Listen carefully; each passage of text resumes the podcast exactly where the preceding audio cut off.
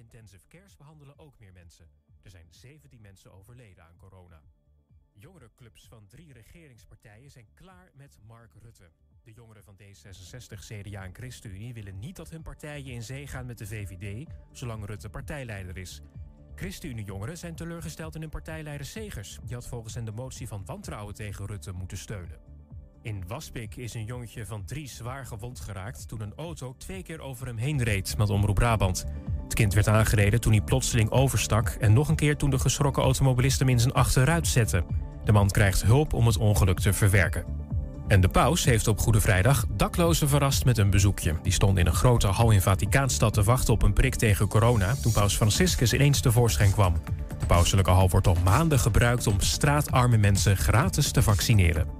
Het weer bewolkt met in het noorden soms regen, in het zuiden af en toe zon... en het is tussen de 8 en 11 graden. Morgen droog met wat zon en een graad of 10. En tot zover het ANP-nieuws. Thema beveiliging staat voor betrokkenheid, adequate optreden en betrouwbaarheid. Waar de concurrent stopt, gaat thema beveiliging net een stap verder. Thema beveiliging levert alle vormen van beveiliging voor zowel de zakelijke als de particuliere markt. Thema beveiliging, de beveiligingsorganisatie van het Oosten. Telefoon 053 4800 560 of stuur uw e-mail naar info@themabeveiliging.nl. Neder-Saxisch is een genot voor het oor. Daarom zoeken we de mooiste Neder-Saxische bedrijfslogan van Overijssel. Bestaand of nieuw? Dus kom je uit Salland, Twente of het land van Venlo? Insturen kan tot en met 23 maart naar bedrijfslogan.ijsselacademie.nl. Ben je de winnaar op 24 maart? Dan win je de Dermie Hendrik Jan Bukkers in sprakke slogan. Machtig mooi als een ringtoon of voor een reclamespotje. 120. Weet wat er speelt in Twente. Iedere dag praten we hierbij over alles wat er in Twente gebeurt. Via radio, tv en online. 120. Een Enschedese marktkoopman ging zelf in protest na 14 weken niet op de markt te hebben gestaan. Dit deed hij voor zijn eigen huis. Ja, het is vandaag Wereld Autisme Dag. Maar wat houdt die dag eigenlijk in? We vragen het aan cliënt van het Twentse Zorgcentra. Werkgroep Stolpersteinen is op zoek naar verhalen van Joodse slachtoffers in Hengelo. En Bart Peter Zweem is aanwezig met een nieuwe column van de dag. Het is Goede Vrijdag 2 april en dit is 120 vandaag. Julian, Ja, noem eens iets dat jij eh, ieder jaar doet, waar je ieder jaar naar uitkijkt. je- eh, wielrennen. Ja, maar even een, een, een, een, een evenement, een, eh, een terugkerend evenement. Tour de France dan. De Tour de France, dat Tour- kijk je ieder jaar Ja, graag. ieder jaar kijk ik dat graag. Maar als jij het echt op mezelf wil, dan... Ja, mijn verjaardag kijk je natuurlijk altijd naar uit. Mhm. En ik, ik vind zelf... ja, de, de- hoe heet het? Sinterklaas best leuk. Alleen de perikelen eromheen vind ik niet zo leuk. Oké, eh, oké, dus de, de, maar de intocht, Maar die kijk je dan? Ja, nee, nee. Gewoon pakjesavond. Gezellig Oh, toch? zo, ja, ja, Gezellig precies, met de familie bij elkaar. En voor sommigen is er iets dat ze ieder jaar eh, rond deze tijd, rond Pasen, echt niet willen missen. De Matthäus Passion. Hm? Dan zullen mensen die eh, dat kijken ongetwijfeld weten waar ze eigenlijk ongeveer naar kijken en luisteren. Maar er is ook een groep die er ooit wel eens van heeft gehoord. Eigenlijk niet echt een idee hebben wat het eh, betekent. En er is een groep die er nog nooit van heeft gehoord, van de Matthäus Passion. Even een checkje. Waar zit jij? In de tweede, sorry. In, het, in de tweede? Dus je hebt er wel eens, je hebt de klok horen luiden, Ik, maar je weet niet eh, helemaal waar de klepel hangt. Ja, ik weet dat, ik, eh, dat we er vorig jaar een item over hebben gemaakt. eh, maar wat het is, laat ik lekker over me heen komen. En ik denk dat ik gewoon goed ga luisteren bij het volgende Ja, interview. lijkt me heel afstandig inderdaad. Want de man die er alles over weet is bij ons aangeschoven. Ben Koelman, goedemiddag. Goedemiddag. Is, is de Matthäus Passion voor jou een eh, hoogtepuntje in het jaar? Ja, ik denk voor elke muziekliefhebber wel. Je kunt in de, de week voor Pasen kun je in Nederland gemiddeld 250 voorstellingen van het werk bijwonen. Eh, verspreid over verschillende dagen. Hoogtepunten zijn 25 eh, voorstellingen op Goede Vrijdag alleen al. Ja, nu even niet, vanwege corona. Nee. Dus missen heel veel mensen, heel veel muziekliefhebbers missen dat evenement echt. Daar he- heeft het Wilming Theater een manier op trachten te vinden. Ja. Door er nou ja, wat producties rondom Pasen ook te maken. Zeker. Een van die producties die eh, ge- gekeken kan worden op hun website, gratis, Ja. is een documentaire die jij hebt Ja, is een korte documentaire. Die heb ik eh, gemaakt eh, voor het Wilming Theater. Ontzettend leuk om te doen. Een documentaire van ongeveer 20 minuten. Dat is bij lange na niet toereikend om alles te vertellen over de Matthäus Passion. Dat is een werk. Het werk alleen al duurt bijna drie uur. En je kan er drie dagen over praten zonder dat je überhaupt überhaupt iets doubleert, zal Hoe ik lang maar duurt het zeggen. werk? Drie? Het werk duurt bijna drie uur. Goedemiddag. Pure muziek. Zonder pauze? Zonder pauze. Ja, in de tijd eh, van Bach kregen de mensen eh, geen pauze, maar ze kregen een preek in het midden van de Matthäus Passion. En die preek duurde anderhalf uur. En die was, het, was onderdeel van de Matthäus Passion of was dat er nog nee, dat, was, dat, dat kwam ernaast. Dus dat was naast dan die 4,5 uur zitten? Ja, absoluut. En dan was er nog wat gezang vooraf en wat orgelspel achteraf. Dus je zat al met al vijf uur in de kerk. Hoe kwamen ze dan de kerk uit? Verkwikt of eh gesloopt? Sommige mensen totaal gesloopt. Je moet je voorstellen, er zaten meer dan 2000 mensen op die zondag in die kerk. De vrouwen met een stoofje als het koud was, om, om ze warm te houden, zeg maar onder de grote hoepelrokken. En de heren die zaten in de zijbeuken, de dames zaten in het midden. Dus de heren die hebben zich waarschijnlijk met dobbelspelletjes en andere dingen bezig gehouden. Ja, totdat er iemand vroeg, hey, Opletten, even waar bij. gaat het over? Ja, Precies. ja. En als we erbij zouden blijven, hè, eh, die Matthäus Passion. Voor de mensen die dat. Want ik ben wel een beetje van de groep. Ik hoor wel eens van ja, die Matthäus Passion, bijzonder stuk. Waarom eigenlijk? Wat horen we? Nou, het is zo bijzonder omdat het natuurlijk het, eh, het leidersverhaal is. Hè. We hebben gisteravond misschien allemaal de Passion gezien op tv. Eh, het is het leidersverhaal van Christus. Voor de mensen van die tijd opgesierd met eh, de liedjes van die tijd, zou je kunnen zeggen. Opera-aria's. Wat is die tijd? Die tijd, dan hebben we het over het jaar 1729... dat de eerste grote versie van deze passie werd uitgevoerd. Er bestaat al een oudere versie. Bach heeft hem in zijn hele leven maar vier keer uitgevoerd. Maar hij moest wel elk jaar een passie doen. Dus je kunt je voorstellen, het is niet alleen een Matthäus-passie. Er was ook een Johannes-passie. Er was een Marcus-passie. En van andere componisten deed hij er af en toe nog eens een Lucas-passie tussen. Maar dan koos hij van dit jaar ga ik de Ja. Matthäus Passie Moest hij van tevoren aanvragen. Dat was heel bizar. De kerkenraad die keurde dat goed.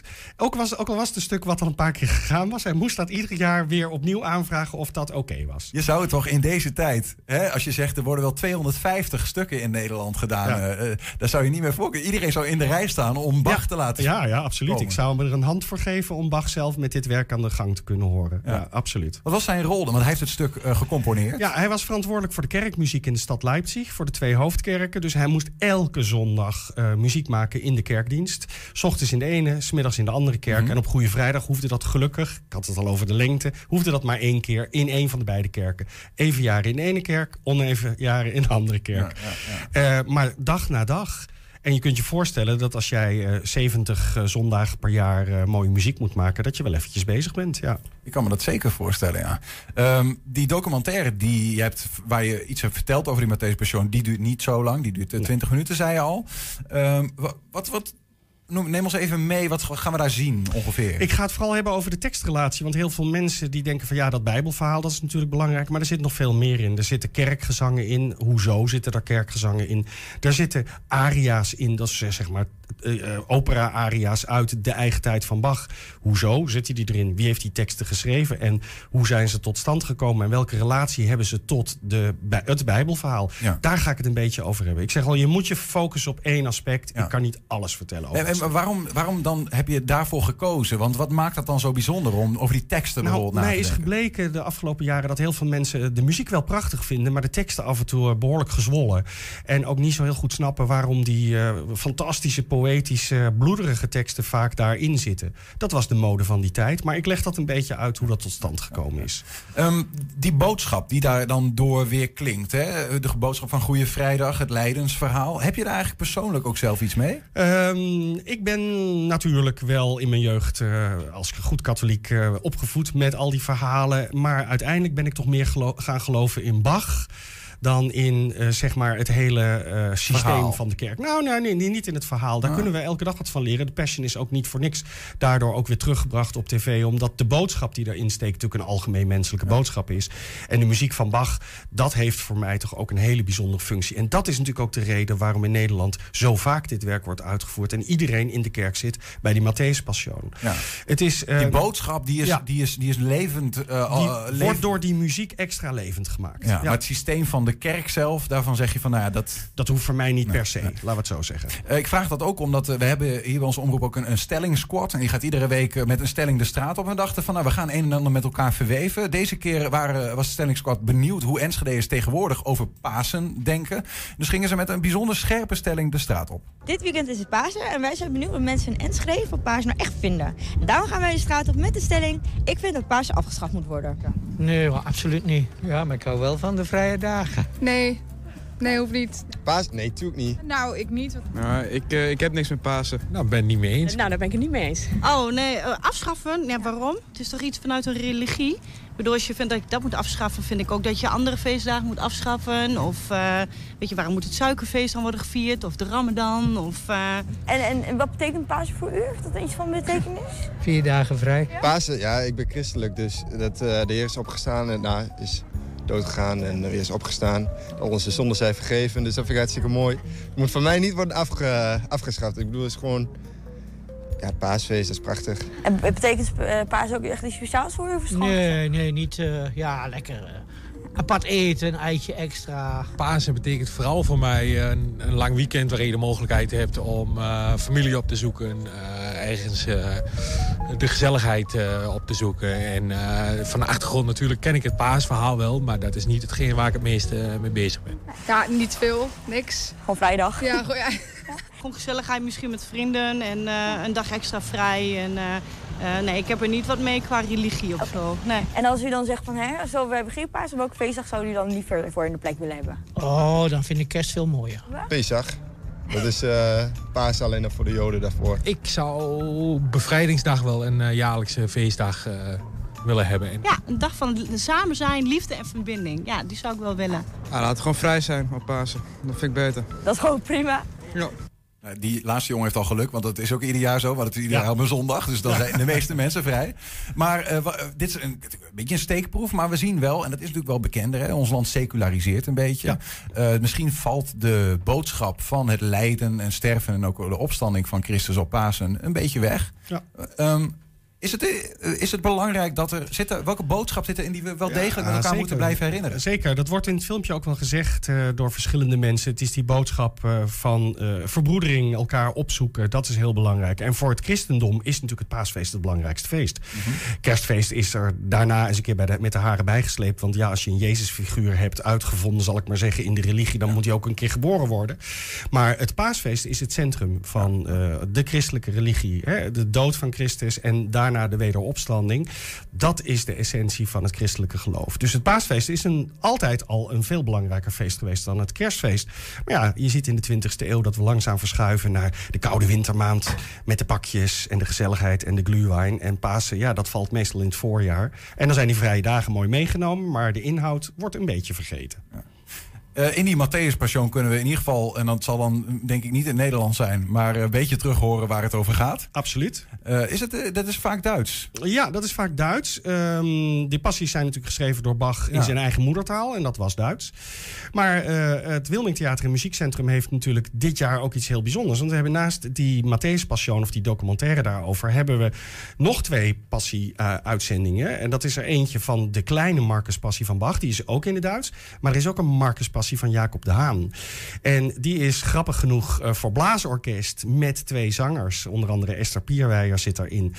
En daar is een heel bijzonder uh, item aan de hand. Want uh, Jan Riesewijk spreekt de verbindende teksten als evangelist in het Twents. Ja, we hebben hem daar laatst even over gesproken. Ja, geweldig. En uh, een quick peek vanuit onze kant, uh, want daar staat er sinds gisteren op, die, ja. uh, die, die Twentse versie. Dat is erg het bekijken waard. En daar leer je dan ook weer in je eigen moedertaal, misschien wel als je Twents bent, of in ieder geval op die manier iets van. Um, uh, wat wat jou betreft, uh, nou ja, dat is misschien een beetje een vervelende vraag, maar een hoogtepunt van wat de Wilming Theater dit, uh, dit jaar biedt? Nou, dat is dat, dat, dat hele setje wat, wat we dan nu inderdaad de week voor Pasen noemen en muziek voor Pasen, dat is gewoon geweldig. Want als je ziet dat er zoveel verschillende dingen gemaakt zijn door het Wilming Theater, speciaal voor Wilming TV, ja, dat, dat, dat vind ik fantastisch. Het hele team, het productieteam is daar druk mee bezig geweest. Het technische team, die zijn dag en nacht in touw geweest om niet alleen mijn documentaire te filmen, maar ook die andere voorstellingen op te gaan nemen en die online zien te krijgen. Nou, ja. dat, dat vind ik alleen al een feestje om daar een bijdrage aan geleverd te hebben. En het geheel is zo mooi. Want als je nou van Bach houdt, dan kun je dus inderdaad naar die kleine Marcuspassie kijken van Bach. Of naar de documentaire uh, die ik presenteer. En als je zegt, ja, ik heb misschien wat minder met die muziek van Bach, maar ik ben gek op de blaasmuziek die wij hier in de buurt hebben met geweldige topamateurs. En inderdaad een verteller als Jan Riesewijk. Ja, dan kun je die Marcuspassie van uh, Jacob de Haan gaan bekijken. En dat geheel maakt het nou juist zo mooi? Want dat vind je, denk ik, in weinig eh, andere theaters. Ja, die hebben een Johannes Passie of een Matthäus Passie. Dat kan, maar wij hebben iets bijzonders. We hebben een passie die je nooit hoort van Bach. We hebben een passie van Jacob de Haan. En dan nog een extra documentaire. Nou, ja, wat wil je nog meer? En dan gratis ook. Allemaal gratis te bekijken. Ja, wees er snel bij, want sommige items die zijn eh, tot 6 april te bekijken. Mijn kleine docu bijvoorbeeld. Eh, die is tot 6 april. Tot 9 april kun je de Marcus Passie van Bach bekijken. Dat duurt ook maar een uur. Eh, en de passie van Jacob de Haan, die kan je tot 15 april eh, bekijken. Maar allemaal gratis. Als je het live wil bijwonen, die passie van Jacob de Haan, kun je volgend jaar op 27 maart alweer terecht in het Wilming Theater. Kaarten zijn nu zelfs al, Nu al beschikbaar. Wilmingtheater.nl. Ga even kijken. Ben Koolman, dankjewel. Graag gedaan. Zometeen een non-food marktkraam die vandaag tegen alle regels toch opgesteld werd. Niet op de markt, maar op een hele bijzondere plek. Maar eerst, na alle interlandperikelen wordt de Eredivisie dit weekend hervat. FC Twente ontvangt zaterdag Vitesse in eigen huis. Vorig weekend was er dus geen competitiewedstrijd... waardoor de spelers een lang weekend vrij kregen. Dat gold niet voor de internationals in het team. Tyrone Eboui en Rami Zerouki waren op pad met Nigeria en Algerije.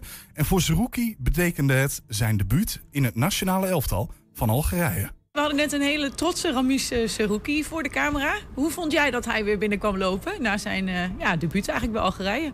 Ja, een eh, sprookje. eh, maar ik denk dat het sprookje ook nog een eh, vervolg gaat, gaat krijgen als ik het zo lees en zie.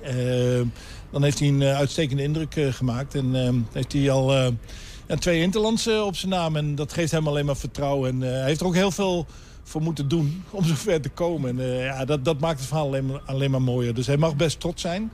Alleen ehm, ja, de, de knop moet weer eh, eh, om. Van Algerije en Afrika naar Twente tegen Vitesse. Ja. ja, hij zei al, die knop moest inderdaad snel om. Hij heeft er gisteren weer gemeld. Eh, kon je dat aan hem merken, dat hij dat snel voor elkaar kreeg?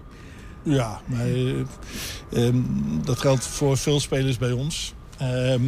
Ehm nou, eh, Ramis is niet echt een, een, een, een tukker.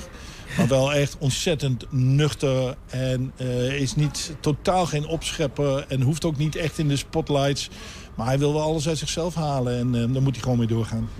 Ehm, iedereen is denk ik ondertussen terug hè, van Interlands. Want ook ik Eboué ja. was natuurlijk weg. Ja. Ja. Is iedereen goed teruggekomen, ook fit Ja. vooral? Ja, ja, dat is, eh Tyrone Ebouy had nog wat lichte maagklachten. Maar die waren vandaag alweer beter. Dan was het sowieso even een andere week. Want hè, niet iedereen was erbij. Maar volgens mij klopt het dat jullie ook iets langer vrij hebben gehad? Zeg ik dat goed? We hebben drie dagen vrij gehad dit weekend. En eh, ja, dat hebben ze ook eh, dik verdiend. En eh, die gingen we in met een eh, ja, goede oefenwedstrijd tegen Pek Zwolle. En als we dat gevoel en dat niveau door kunnen zetten... En, en, en ik vond eigenlijk de wedstrijd in Heerenveen... vond ik ook alweer een stuk beter. Eh, en dat eh, moeten we morgen weer laten zien. Alleen het liefst met, eh, met, met meer goals. En daarna die, nou ja, wat dagjes vrij. Kwam iedereen met frisse kopjes weer binnen? Ja, Oh. ja zeker.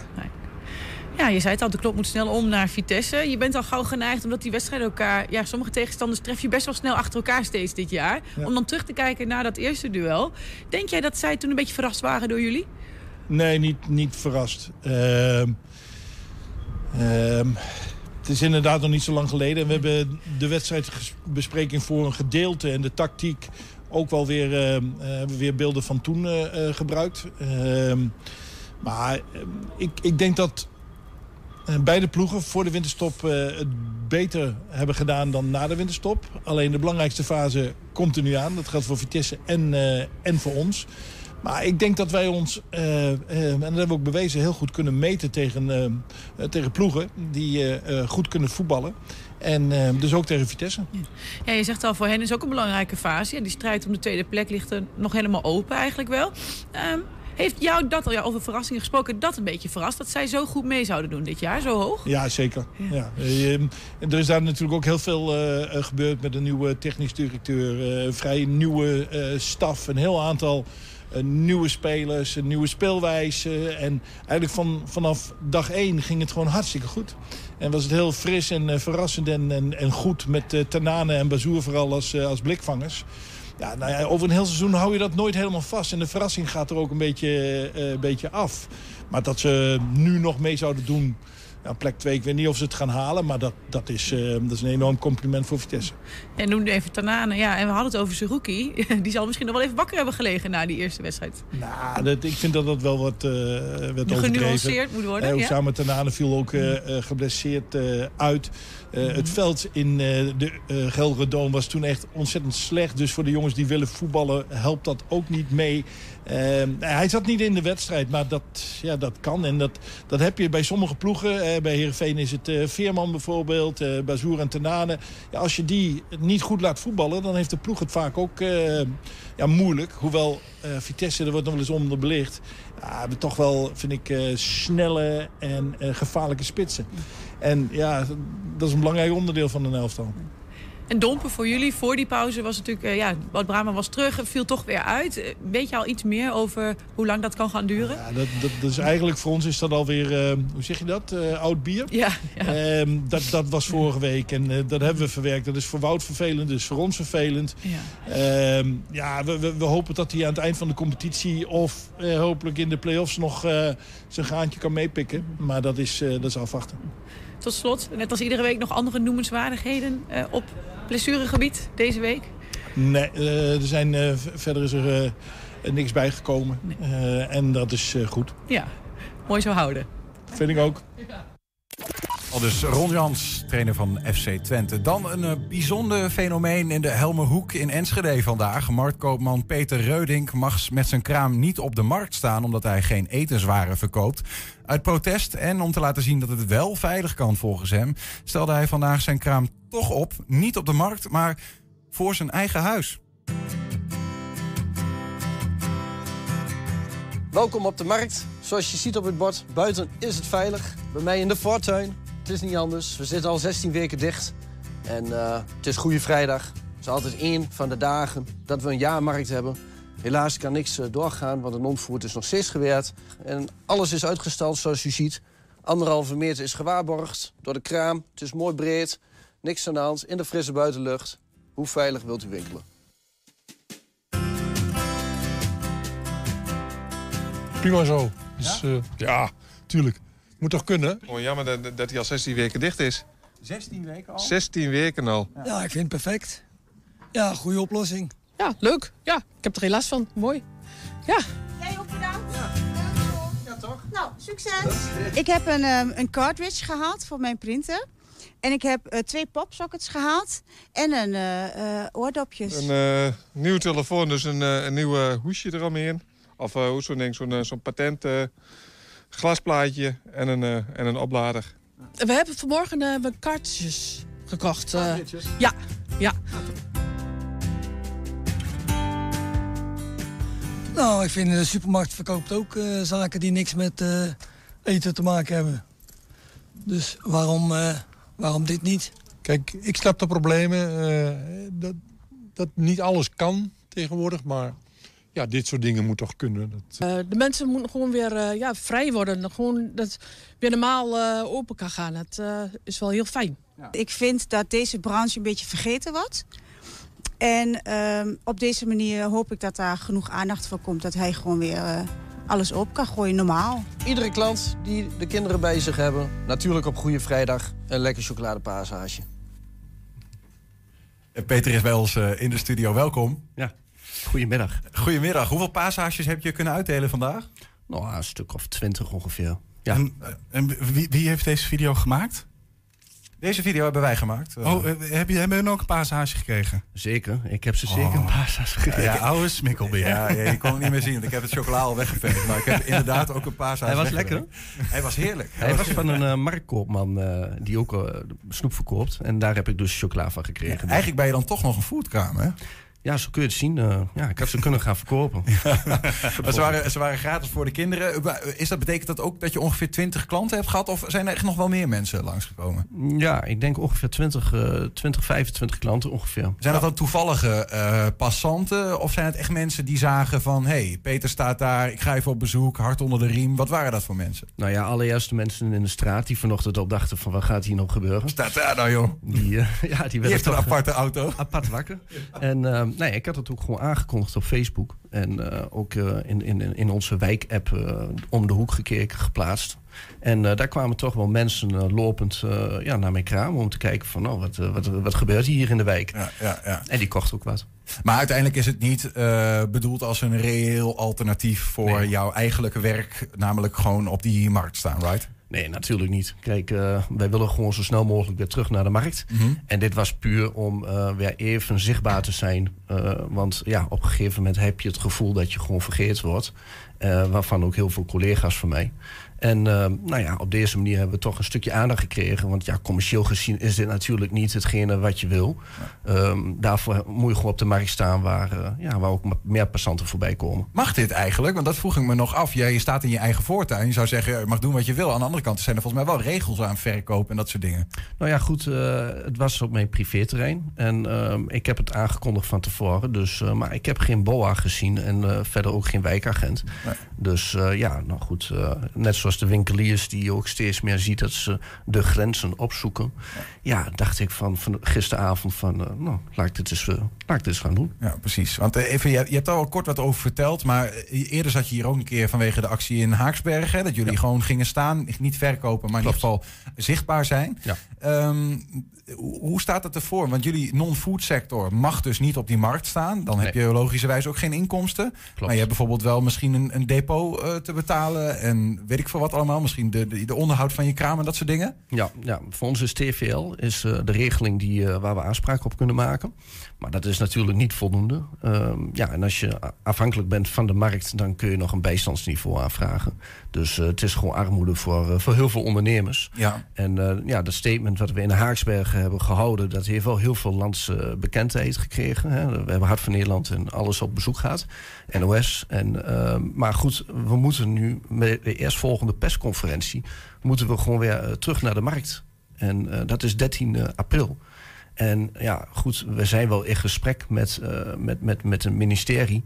Maar eh, ja, we moeten het wel zeker weten dat we weer terug kunnen. Anders zijn we een half jaar buitenspel. Ja, want is, de, is het, eh, is de, even om het, ehm, de hoogte van de nood te, te, te voelen. Mhm. Is het zo dat jij, zoals je sommige ondernemers hoort, dat je bijvoorbeeld je spaargeld aan het inleveren bent om bepaalde kosten nog kunnen eh, betalen, omdat de TVL niet alles dekt bijvoorbeeld? Ja. Of, of, of, of red je het stiekem nog wel? Hoe zit dat bij die marktondernemers? Nou ja, kijk, eh, voor heel veel ondernemers, ook eh, met zomergoed bijvoorbeeld, die zitten met hun inkoop. Kijk, ik heb een handel die het hele jaar door eigenlijk wel verkocht wordt. Maar jongens in de branche textiel, ja, die kopen dus de zomerartikelen in maart in, krijgen daar een factuur in en die moet eind april betaald worden. En eh, het was natuurlijk prachtig geweest als ze nou voor Pasen weer eh, naar de markt heen konden. Want dan konden die ondernemers weer een beetje omzet draaien en die facturen gaan betalen. Dus straks krijg je een domino-effect, wat in oktober, november heel erg zichtbaar wordt. En dat er ook echt klappen gaan vallen in de retail. En de- daar zit ook wel bij wat ik wel een beetje voel aan, eh, aan, aan wat je altijd zegt, is van. Aan de ene kant, kijk, als het nou gezondheidstechnisch een hele, heel logisch offer zou zijn, dan zou je daar misschien nog wel welwillende tegenover staan. Maar jullie voelen die eh, logica ook niet echt, hè? Nee, dat klopt. In België bijvoorbeeld eh, zijn de non-food ondernemers eh, tijdens de hele lockdown gewoon op de markt geweest. En daarvoor waren wij ook in de veronderstelling van ja, wat, wat gebeurt hier nou eigenlijk in Nederland? Waarom kan die non-food niet naar de markt? En dat heeft ons ook toen besluiten om eh, een kort geding aan te spannen na de actie in Haaksbergen. eh, met onze belangenvereniging om eh, ja, toch van de rechter te horen te krijgen van waarom wij als markt ja, niet in zijn geheel open kan. Dus er komt een rechtszaak aan. Ja, 14 april. Dat is van de, van de Nederlandse Marktbond tegen de staat. Centrale Vereniging Ambulante Handel. En dat is de belangenvereniging voor alle marktondernemers. En eh, die heeft deze rechtszaak eh, aangespannen. Omdat ze een, eh, ja, gewoon een rechtsongelijkheid voelen. Ja. En daar willen we dus van, de, van de rechter willen we daar een antwoord op. En dat, dat wordt gewoon hoogste tijd. En hoe, hoe schatten jullie daarin de kansen? Ja, je zit met die noodwet. En dat is gewoon heel lastig. Ze hebben het voornamelijk om de samenkomst. Maar goed, daar kun je een hele discussie over voeren over samenkomst. Want je hebt ook met bijvoorbeeld winkels het click-and-collect verhaal. Nou ja, bij ons is er totaal geen perspectief. En ehm, als je dat click-and-collect hebt... je hebt heel vaak dat je naar een winkel gaat... en dat je zegt van... god, eh, ik wil graag naar binnen, want eh, ik moet nog wat hebben. En dan zegt die eh, ondernemer van... ja, u moet over vier uur weer terugkomen. Ja, maar er is niemand in de winkel. Ja, Ja, maar de regel is vier uur terug. Dus je zorgt ervoor dat die klant die moet weer naar huis. En die moet vanuit huis weer terug naar die winkel in. Dus het schiet allemaal niet op. En bij ons op de markt, ja, de meeste klanten die zijn er al. Want die foodondernemers die er staan, ja, die zorgen eigenlijk voor de meeste aantrekkingskracht. Dat is de non-food niet. Dus die kunnen rustig nog een rondje Ja, langs die natuurlijk. En we hebben het ook voor de lockdown hebben we het bewezen dat het veilig kan. En eh, daarom is het ook zo. Waarom, waarom, wa- want dat begrijp ik dan nooit zo goed. Waarom heb je daar enigszins een beeld? Waarom kan het dan toch niet volgens de overheid? Dat, dat is zo. Ja, ze hebben die tweedeling gemaakt en eh, alles op veiligheidsgebied, daar gooien ze het op. Ja, en dan verlies je het eigenlijk altijd, hè, want eh, daar kunnen ze het heel veel onder gooien. Ja. Ja. Ja, maar de- dan voelt het ook alsof, alsof een bewuste agenda is om die non-food ondernemers kapot te maken. En daar is natuurlijk niemand bij gebaat. Nou ja, kapot maken vind ik. eh, nou ja, wij hebben eh, van de week een gesprek gehad met de landsadvocaten. En ehm, dat eh, gaat altijd vooraf aan een kort geding als je met de staat eh, begint. En ehm, ja, daar heeft eh, de CVA ook ja, de, de, de, de, ogen wel geopend van, van die mensen die er zaten. Hè? Want er zaten een aantal ministeries aan tafel. En die stonden ook een beetje te kijken zo van... ja, god, hè, daar klopt hier iets niet. Dus ehm, ja, da- daarom is het ook zo belangrijk dat dit aandacht krijgt. En dat eh, de dag na de persconferentie is onze rechtszaak. Ja, dat, dat voelt ook al een beetje vervelend natuurlijk. Hè? Je had het liever een ja, dag natuurlijk. Kijk, want als, eh, als het niet genoemd wordt en eh, de rechtszaak daarna volgt... en we zouden hem verliezen, dan volgt er hoogstwaarschijnlijk toch een hoog beroep. En al met al zijn we dan een half jaar van het toneel. Komt er dan nog een keer een kraam voor het huis? Nou ja, d- dat wil ik mijn buren natuurlijk ook allemaal niet aandoen. Eh, maar ze vonden het nog niet zo heel erg wat ik zo gemerkt heb. Maar eh, nou ja, ik denk niet dat dat de directe oplossing is. Het is meer een soort van, ja, toch een noodkreet van... jongens, eh, wij zijn er ook nog. Peter Reudink, dankjewel voor Dankjewel. eh, je komst en eh, succes met je zaak. Dankjewel. Morgen is het eh, de bevrijdingsdag voor Hengelo. De werkgroep Stolpersteinen daar is op zoek naar verhalen van Joodse Hengeloers. Daarover straks meer. Maar eerst, mocht je vandaag een blauw belicht gebouw zien, dat is er om aandacht te vragen voor eh, autisme. Het is vandaag namelijk Wereld Autisme Dag. En ook bij de Twentse zorgcentra is er vandaag genoeg aandacht voor die speciale dag. Bij ons in de studio is iemand die dagelijks te maken heeft met ADHD en autisme. Want hij heeft het ook zelf. En dit is Thijs Vleer. Hij is nog even eh, zijn koptelefoon aan het aansluiten. We hebben even geduld. Nee, is helemaal goed. Take your time. Kijk eens aan. Hij is bijna helemaal gezetteld. Ja, hallo. Thijs, goedemiddag. Goedemiddag. Jij hebt een, eh, een goede uitlaatklep gevonden. Je, je maakt een podcast eh, over je autisme. Dat heet Out of the Podcast. Zometeen eh, wil ik het graag met je daarover hebben. Ja. Ehm, eerst even over die, die, die dag vandaag. Wereld Autisme Dag. Ja. Wat gebeurt er allemaal op zo'n dag? Er zijn heel veel activiteiten. Er zijn te veel om op te noemen. Ehm, die zijn allemaal te vinden via de, de site van de NVA, de Nederlandse Vereniging voor Autisme. Ehm, dus daar, gebeurt, eh, daar daar kun je echt alle activiteiten vinden. En, maar er is ook dat op dit moment ehm, allemaal prominente gebouwen en, en, en eh, ehm, eh, hoe zeg je dat? Ouderwetse gebouwen die dus op de. ehm, nou, hoe heet dat nou? Dat maakt het niet uit. Maar veel gebouwen worden in, in blauwe lampen gezet. Echt zodat- goed? Om, Dat cul- cultureel, culturele, erfgoedachtig, mooie gebouwen. dat, dat Ja? soort gebouwen inderdaad. En we hebben eh, eh, op het bouwhuis, dat is onderdeel van de Twentse Zorgcentra, hebben ze twee hele grote villa's staan. En een van die villa's hebben wij eh, gisteren eh, in blauw licht gezet. Waarom is het zo? Want, want ik noemde dat al even. Hè? Je hebt zelf ehm, eh, een autisme spectrumstoornis. Ja, gewoon autisme. Autisme. Ja. Ehm, even, even, wat, wat betekent dat eigenlijk? Wat, wat, wat, doet, wat gebeurt er in jouw lichaam anders dan in dat mijne misschien wel? Dan zal ik dit moment even pakken. Ja? Ja, nou goed. Ik- normaal gesproken, de vorige keer dat ik hier was, was Ernesto er rond tot deze tijd. Dus ik ging ervan uit van, oké, ik ben met Ernesto, ik zie Ernesto in één keer daar lopen. Ik denk van, oh, wacht, dus er is nog iemand anders, dus dat moet ik even schakelen. Dat kost wat energie. Mhm. En ehm, ik wist ook niet dat... ehm, ik had het zelf heel erg fijn gevonden als ze mij van tevoren even hadden verteld van... ehm, Oké, eh, het zit- die meneer zit nou in de studio, maar je- we gaan wel gelijk door eh, naar jou. Ja, want ja. ik had verwacht dat we nog heel even de tijd hadden... dat ik nog heel even hallo kon zeggen. Omdat dat de vorige keer ook zo op die manier ging, zeg maar. Ja, ja. Dus, ehm, Weet je wat we kunnen doen? nou, Ehm, voordat we, we, gaan het over jouw podcast ook hebben. Ja. Ehm, en, en, eh, eh, maar voordat we dat gaan doen, gisteren heb je een vlog opgenomen. inderdaad. Toen werd je op een bijzondere manier in het zonnetje gezet. Laten we daar even gewoon naar kijken. Hebben we even tijd om tot rust te komen? Ja, dat zal wel lekker zijn, ja. Elkaar te leren kennen? Ja. Dan komen we zo terug. Super. Komt-ie. Meteen zien. Hallo Luc, jij bent eh, van het Twentse Zorgcentra. Je doet normaal, eh, doe je, wat doe je het normaal? Ik ben normaal de pleziermaker van het Twentse Zorgcentra. Maar, maar dit is ook met je plezier maken, hè? Waarom is het zo belangrijk dat ook de Twentse Zorgcentra meedoet aan eh, deze blauw lichtactie? Nou ja, wij hebben bij de Twentse Zorgcentra hebben we heel veel eh, cliënten die ook eh, eh, autisme hebben. En eh, nou, we hebben heel veel professionals in dienst. eh, die ja, alles weten over autisme. Nou, en daarover laten wij jullie van alles eh, zien. Oké, nou, het ligt wat, dit is nu nog allemaal in, zoals je ziet in aanbouw. Maar zo meteen gaan we aftellen. Denk ik dat we een aftelmomentje maken ervan, hè? zeker. En dan eh, wordt het hele gebouw in blauw licht gezet. En als het goed is... Ja, dan? Nou, jij mag het zeggen. Ja, dan, is het, eh, dan is het prominente gebouw van de Twentse Zorgcentra compleet blauw verlicht. Ja, ook. Maar, dat zie je straks. Het is donderdag, het is 2 april, het is de dag van autisme. Maar zaterdag 4 april bestaat Auto de Podcast twee jaar. En daarom hebben eh, we hebben het gebouw blauw gehad.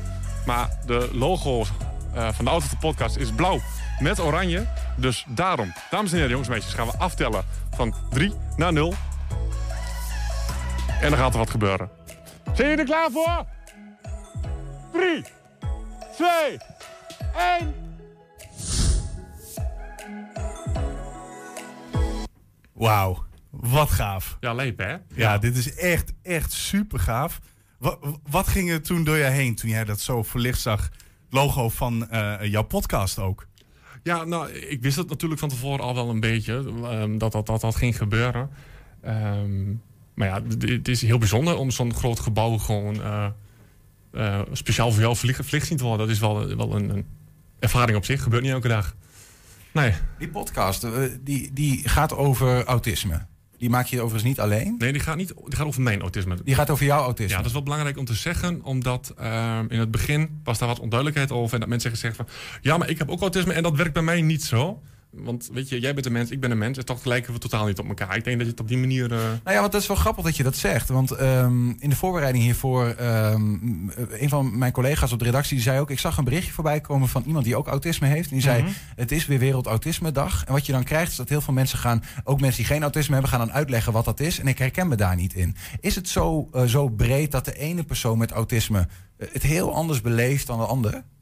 Ik, ja, dat, dat is een ding wat zeker is. Ehm, ik heb een vriendin die heeft ook autisme.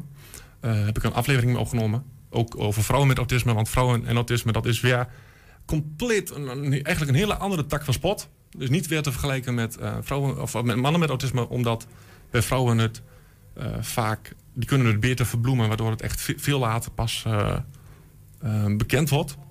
Mijn vriendin was eh 24. Eh, en is nu 25. Dus die weet het nou net Toen een ze erachter kwam dat ze eigenlijk autisme had. Ja, omdat Maar- het bij mannen eh, wat, eh, ja, wat duidelijker is, de, de, de, de kenmerken. Wat is de rode draad dan? Wat, wat, wat verbindt zeg maar, alle mensen die autisme hebben? Wat, wat hebben ze eigenlijk alle? Waar, hebben ze, waar, hebben ze, waar heb jij of hebben zij last, last van? Ehm, socia- sociaal doen, dat is bij ons vaak toch wel een, een, een, aange- ja, een aangeleerd iets. Eh, ik weet hoe ik mij moet gedragen en, en hoe... eh, ik, ik, ehm, dat. Eh, prikkels zijn... eh, ehm, eh, ze- ze- ik moet even uitleggen.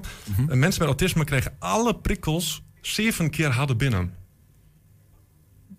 En ehm, daardoor is zo'n ruimte als dit voor mij... Ik kom hier binnen en ik ben, pff, ben weg.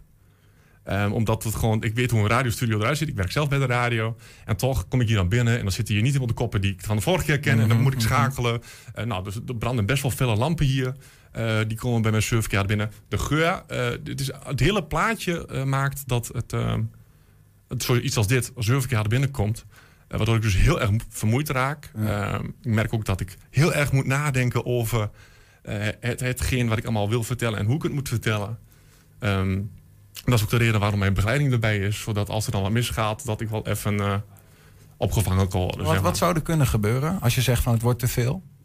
Eh, dan loop ik vast en dan zullen jullie misschien niet heel veel van merken. Jij zult misschien merken dat ik wat vermoeider overkom. Dat ik ehm, wat, minder goed, eh, ja, nou, zoals nu uit mijn woorden kom, of minder goed oplet. Ehm, Ik kan niet heel goed merken hoor. Ik, en dat, ik bedoel, ik geloof van, dat er binnen in jou echt van alles gebeurt.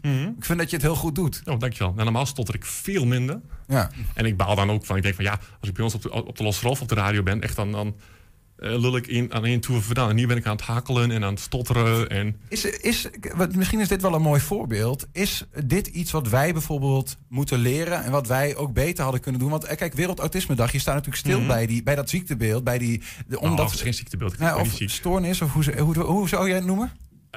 Ja, het is, het is, een, een, een, het is een handicap. Bij de, bij, de, bij de handicap? Ja. Eh, omdat je wil dat mensen er iets van meenemen. Wat zou jij nou graag willen dat wij ervan meenemen? Nou, het is eigenlijk, weet je, het is eigenlijk denk ik niet zo heel erg ingewikkeld. Ehm, zorg dat je van tevoren de, de, ehm, ehm, alles goed duidelijk hebt. Het zijn volgens mij de drie weerswaren, de drie of de vier weers. Dus ehm, wat ga je doen, met wie ga je doen en wanneer ga je dat doen? Volgens mij, dat zijn drie weers. Als je die eh, duidelijk hebt en in de goede volgorde uitlegt, ehm, dan heb je bij mij echt al de helft al gewonnen. Ja. Want dan weet je waar, op welke prikkels je je bij van kunt voorbereiden. Ja. ja. Hey, eh, to- toch even ook over jouw podcast. Mhm. Ehm, die gaat over jouw autisme. Over Ja. waar jij tegenaan loopt. Ja, ik, doe, en ik eh, vertel mijn dagelijkse dingen. De dingen die ik, die ik meemaak, die ik tegenkom. We hebben een, ik ben een, een keer mijn zus, die was eh, in Finland op, op, op, eh, voor school. Was al, eh, liep ze daar stage. Mhm. En toen moest ik met het vliegtuig. En als één de prikkelhel op aarde is voor mensen met autisme, dan is dat een vliegveld. Je hebt eh Mind Your Step, de- de- de- van, de, van die band, die, die komt iedere keer tussendoor. Je hebt de kliklakjes van de stewardessen. Je hebt de geur van de parfumwinkel. Je hebt de mensen die overal kriskras door elkaar heen lopen. En als je dan bedenkt dat je dat zeven keer hard binnenkrijgt en daardoor niet kan filteren. Dus dat is een beetje mijn probleem. Ik kan niet filteren. Ik kan niet zeggen van, oké, ehm, het is nu belangrijk dat ik de borden volg. Maar als er dan daar links in één keer een vliegtuig opstijgt, dan kan ik niet meer de borden volgen, want er steekt een vliegtuig op. En dat maakt veel meer lawaai. Dat is veel interessanter. En dan ben ik de bordjes kwijt en dan ben ik de, de weg kwijt.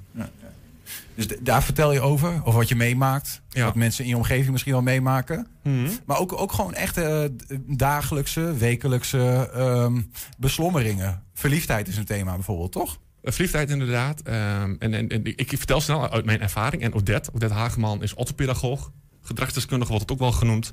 Is dus opgeleid om te weten waar dat bij mij vandaan komt. En die kan dat dan dus weer onderbouwen. Dus vanuit de, de theorie.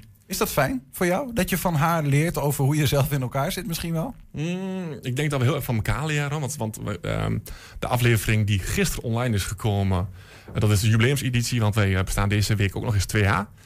Ehm, en daar hebben we het over haar. En dan vraag inderdaad ook van... nou, kun jij dingen gebruiken ehm, die ik ehm, wel eens vertel? De theorie die zij gebruikt, die is voor mij denk ik niet zo heel erg interessant. Maar ik denk dat die wel heel erg interessant is voor mensen die eh, of net hun diagnose krijgen... of eh, iemand kennen die autisme hebben. Mhm. ik, ik heb heel veel luisteraars die net hun diagnose kennen... en, en gaan googlen van, hey, oké, ik heb autisme, ehm, maar wat is dat dan? En eh, het voordeel aan een podcast is dat, dat je het kan luisteren wanneer jij daar zin in hebt. Je kunt het zo hard en zo zacht zetten als je zelf wil.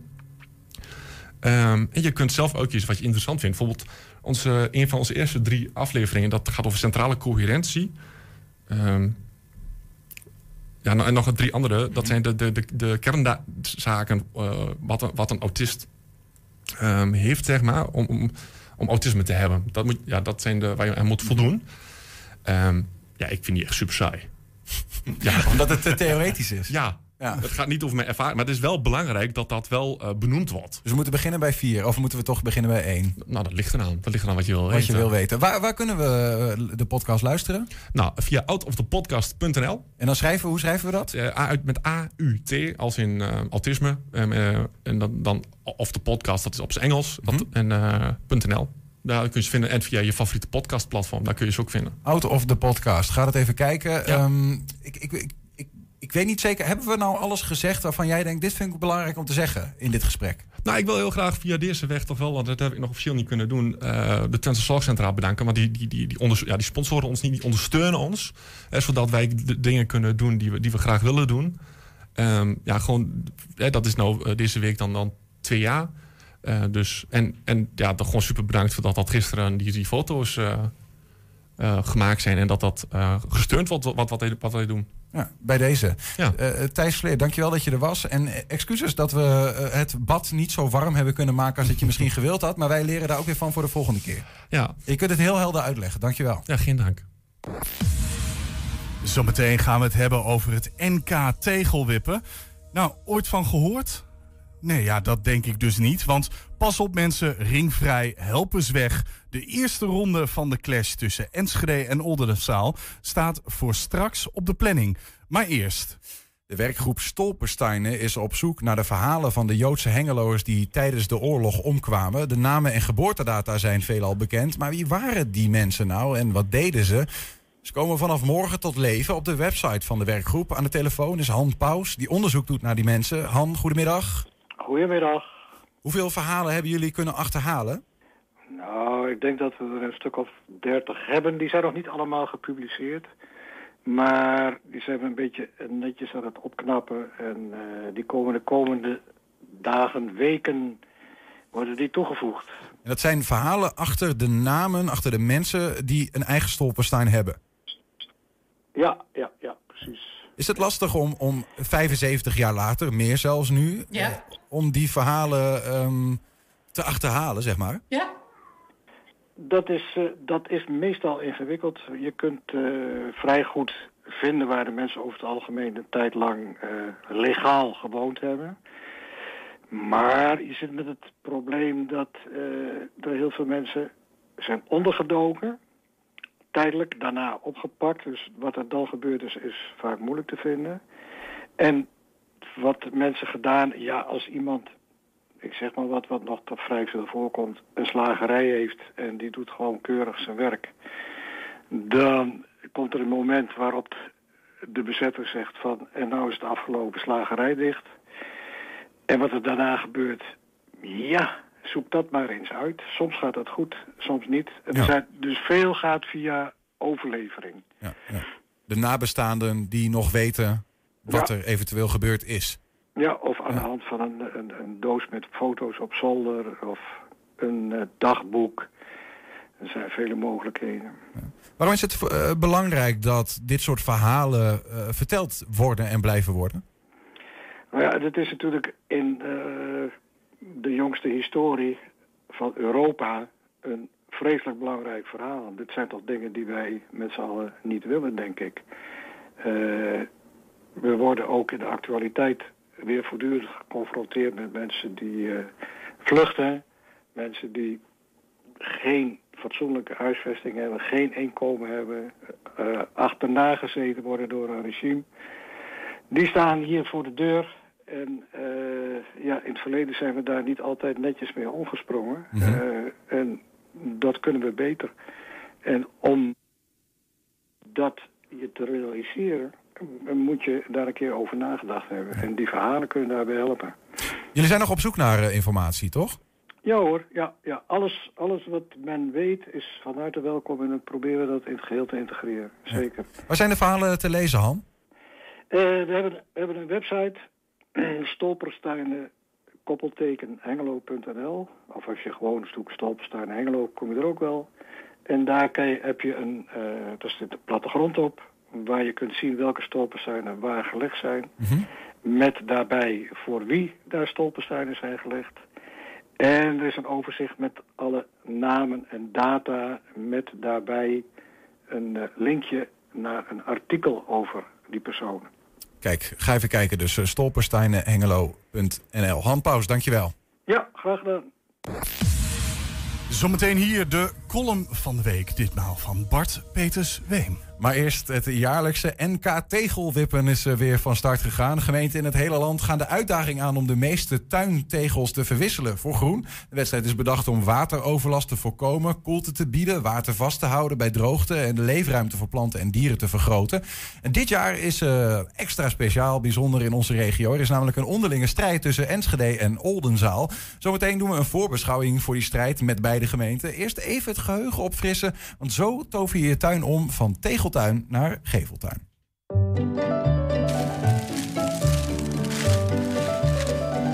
Want we zaten al een tijdje te puzzelen hoe kunnen we meer groen maken bij ons in de straat. Eh, en vooral hoe kan dit saaie stuk nou, wat minder saai worden. En ook wel een beetje te zoeken van oké, biodiversiteit moet gewoon omhoog. De vogels en de bijtjes worden steeds minder. Dus ik dacht, laat ik het goede voorbeeld geven en zelf beginnen. Komt een mannetje langs van de gemeente en die gaat kijken of het kan. Dus of je stoep breed genoeg is. Uh, of de buren er geen last van hebben, denk ik. En dan maak je een paar afspraken hoe het eruit gaat zien. En dan uh, kun je aan de slag.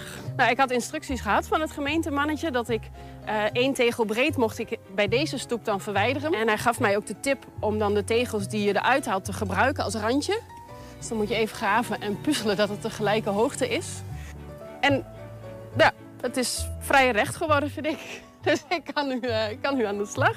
Dus uh, ik heb alles gekocht en ik ben aan de slag gegaan. En ik hoop dus dat heel veel mensen volgen. Ja, en dat hopen de gemeente Oldenzaal en Enschede ook. In de studio is Jeroen Buitenweg. Hij is een beleidsmedewerker water en klimaat van gemeente Oldenzaal. En via Zoom hebben we Lies Rubing, communicatieadviseur klimaatadaptatie van gemeente Enschede. Dus beiden uh, zijn aanwezig. Welkom. Dankjewel. Dankjewel. Ja, de strijd is aan. Uh, goed dat jullie niet in dezezelfde ruimte zijn, Jeroen. Nou, eigenlijk wel jammer. ja, hoe is het? Ja. Had je nog even een stare-off willen doen met Lies? Ja, tuurlijk. We hebben hier plexiglas al prima gekund. uh, Lies, hoe, hoe, komen jullie zo om er uh, zo'n onderlinge strijd van te maken? Ja, nou ja, dat maakt het natuurlijk een beetje spannender. Hè? We, we willen natuurlijk zelf als gemeente en ook onze inwoners uh, zoveel mogelijk stimuleren om aan de slag te gaan. En een beetje die competitiedrang aanjagen. En nou ja, hoe kun je dat nou beter doen dan een, een, een, een vijand vlakbij te vinden tegen wie je kunt strijden. en wat, wat, wat is de strijd dan precies, Lies? Ja, de strijd is om zoveel mogelijk uh, tegels te vervangen door groen. En uh, je zei net uh, tuintegels. Nou, dat hoeft niet per se. Dat mogen dus ook stoeptegels zijn of straattegels. Zolang het maar wordt vervangen door groen. En inwoners kunnen meedoen, bedrijven kunnen meedoen. Maar de gemeente doet zelf natuurlijk ook gewoon mee. Mm -hmm. Jeroen, uh, um, waarom gaat Oldenzaal winnen van Enschede? Waarom gaat Oldenzaal winnen? Uh, nou, we gaan het in ieder geval heel erg uh, ons best doen. Um, en misschien hebben we een beetje geluk omdat ze, wij een kleinere gemeente zijn, een kleinere stad. En dat gaat gelukkig in verhouding van het aantal inwoners. Oh, wat ik dacht al, dat is juist oh. een oneerlijk speelveld. Anders hadden we het nooit gewonnen natuurlijk. Dus uh, wij hopen op de verhouding tegels per inwoner een kleine kans te maken. En ja, daar gaan we ons best voor maar doen. Maar wat maakt dan die kleine gemeente um, makkelijker? Ik weet niet of het makkelijker is, maar uh, wij zijn bijvoorbeeld bezig met uh, groene schoolpleinen. En uh, we zijn met een paar schoolpleinen bezig, nu bezig om de tegels eruit te trekken mm -hmm. en daar groen voor te plaatsen. Ja, en dan is voor één basisschool in Oldenzaal zijn er meerdere basisscholen in Enschede aan de beurt. Ja, ja dat is wel zo, ja. Maar Lies, wij hebben toch ook, denk ik, meer tegels in Enschede dan, dan dat ze dat in Oldenzaal hebben. Zou mijn inschatting zijn? Uh, dat zou kunnen. Enschede is natuurlijk wel de, de, de, de, groenste gemeente van, van Nederland. Dus nou ja, in die zin ben ik hoopvol dat eigenlijk heel veel tegels al verdwenen zijn voor groen. Maar ik weet zeker, uh, want onlangs hebben we dat zelf als gemeente nog geïnventariseerd, dat er nog uh, genoeg locaties onnodig verhard zijn, zoals we dat noemen. Dus daar kunnen nog heel wat tegels uit uh, die vervangen kunnen worden door groen. Wat is, wat is jullie strategie dan, uh, Lies, in Enschede, om zoveel mogelijk wippers te werven? Nou ja, in ieder geval het breed uit te dragen. En uh, mensen daar ja, op, te, op te attenderen dat het eigenlijk... Het maakt natuurlijk niet uit, om het zo maar te zeggen, hoeveel je wipt, als je maar wipt. Dus het hoeft helemaal niet te betekenen dat je je hele terras weg moet halen... of je hele, hele tuin leeg moet halen. Elke tegel telt. En uh, ja, doe dat vooral en zet er een plantje voor terug. En, dan, en registreer je tegel op de website nk-tegelwippen.nl. Want alles draagt er natuurlijk aan bij aan die totaalscore van de gemeente. Je moet er wel echt ja, registreren dus. Wat zeg je? Je moet er wel echt registreren, anders stelt hij niet mee. Ja, klopt. Je moet het uh, registreren op de website. Dus je moet uh, je aantal tegels opgeven en daar ook een foto uploaden als bewijsmateriaal. En uh, op die manier worden dus alle tegels in Nederland, want er zijn meer dan 40 gemeentes die meedoen, al die tegels worden geregistreerd en bij elkaar opgeteld, zodat, we, nou ja, zodat je echt uh, een actuele ranking ook kan zien van welke gemeente de meeste gewipte tegels heeft. Jeroen, het is misschien toch goed om dat nog een beetje te duiden. We hebben het al wat genoemd, maar waarom doen we dit eigenlijk?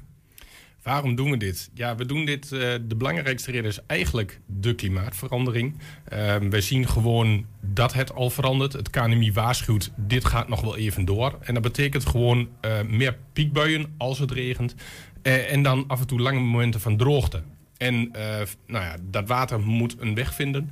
En vooral ook in de, de momenten van droogte wil je eigenlijk al dat er een waterbuffertje in je grond zit. Dat je dus niet vervolgens, als het maar even met droog is, met eh, drinkwater weer die hele tuin eh, hoeft te gaan sproeien.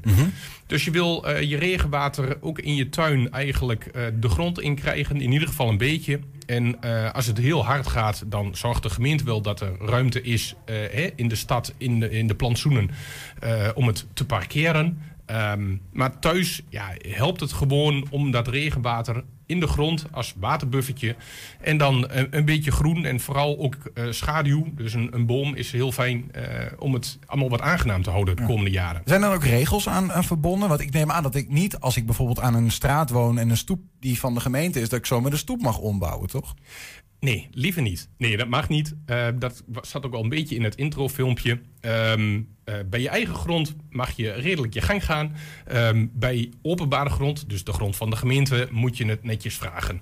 Ehm, en er zijn een aantal regels voor, maar voor eh, zowel Enschede, maar als ook als Oldenzaal zijn er regeltjes om een geveltuin aan te vragen. Dan moet je even toestemming vragen. En dan is er heel veel mogelijk.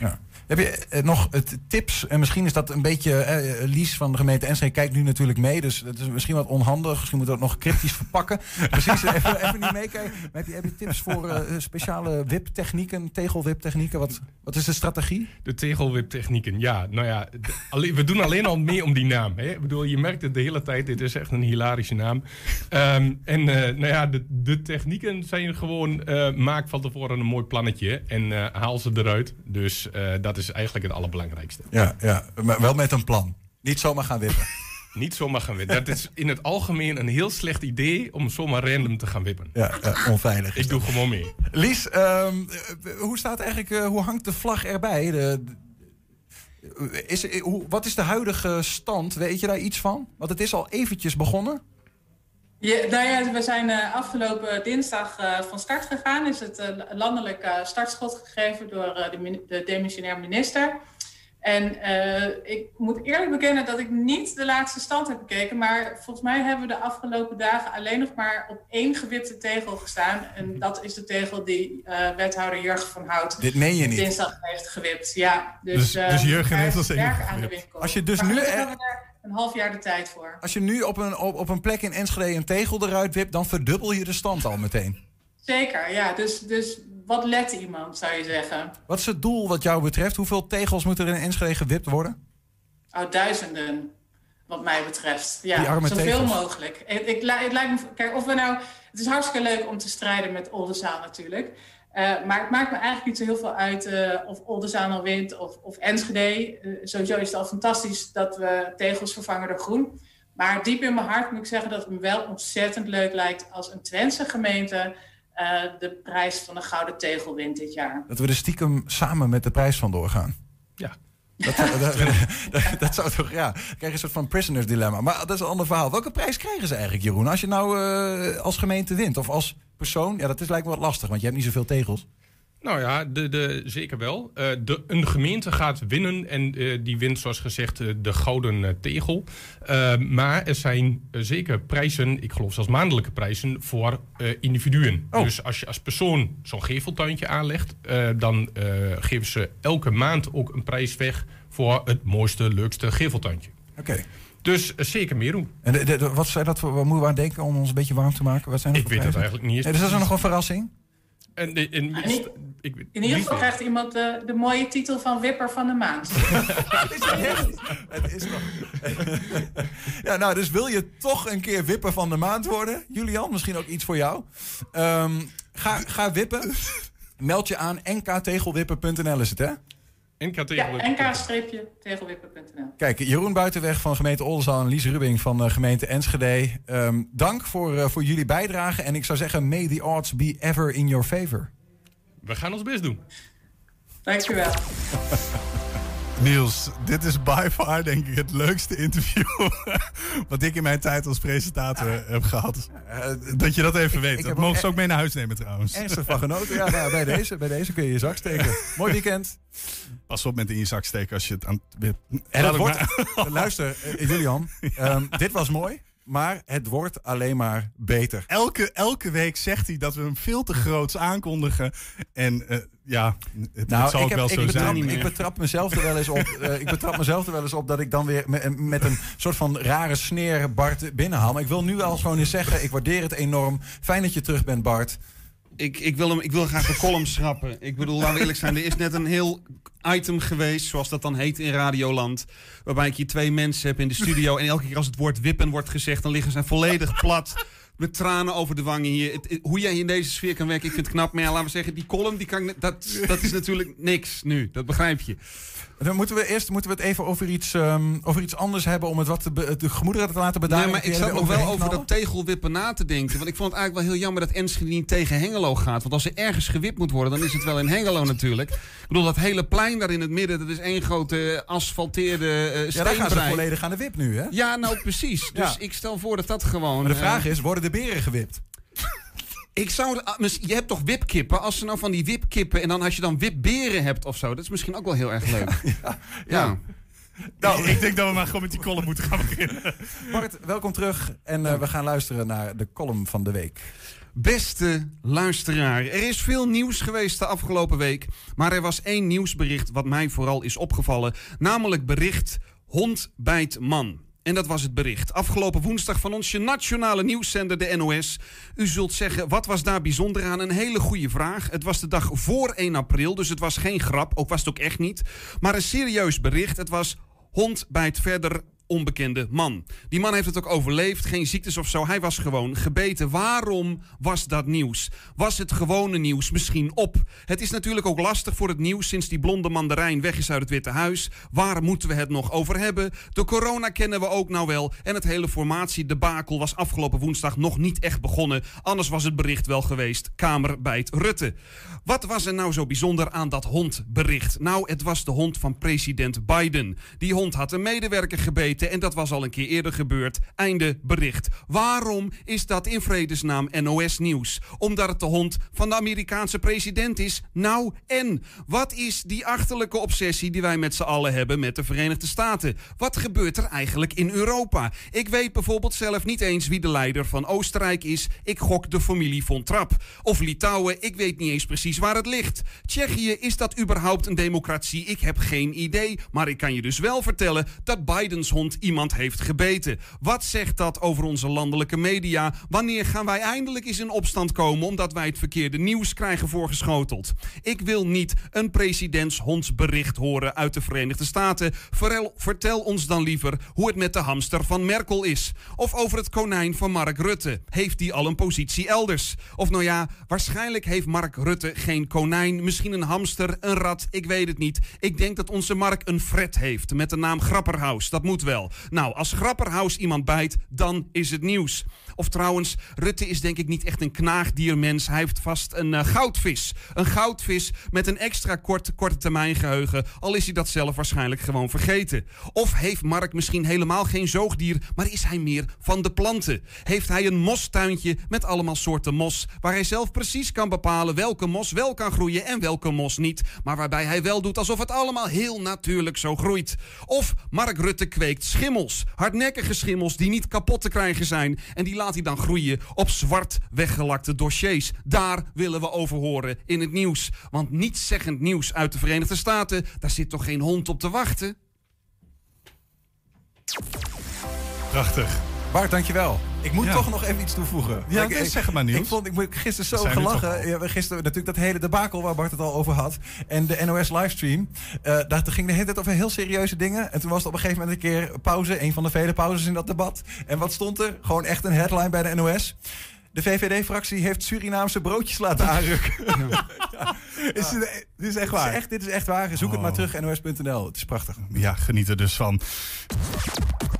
Ja, tot zover 120 vandaag. Terugkijken kan direct via 120.nl. En vanavond om 8 en 10 uur zijn wij ook nog op televisie te zien.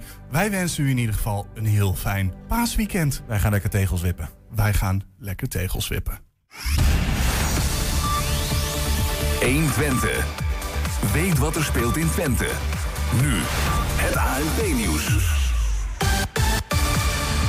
Goedemiddag, ik ben Michiel Frazen.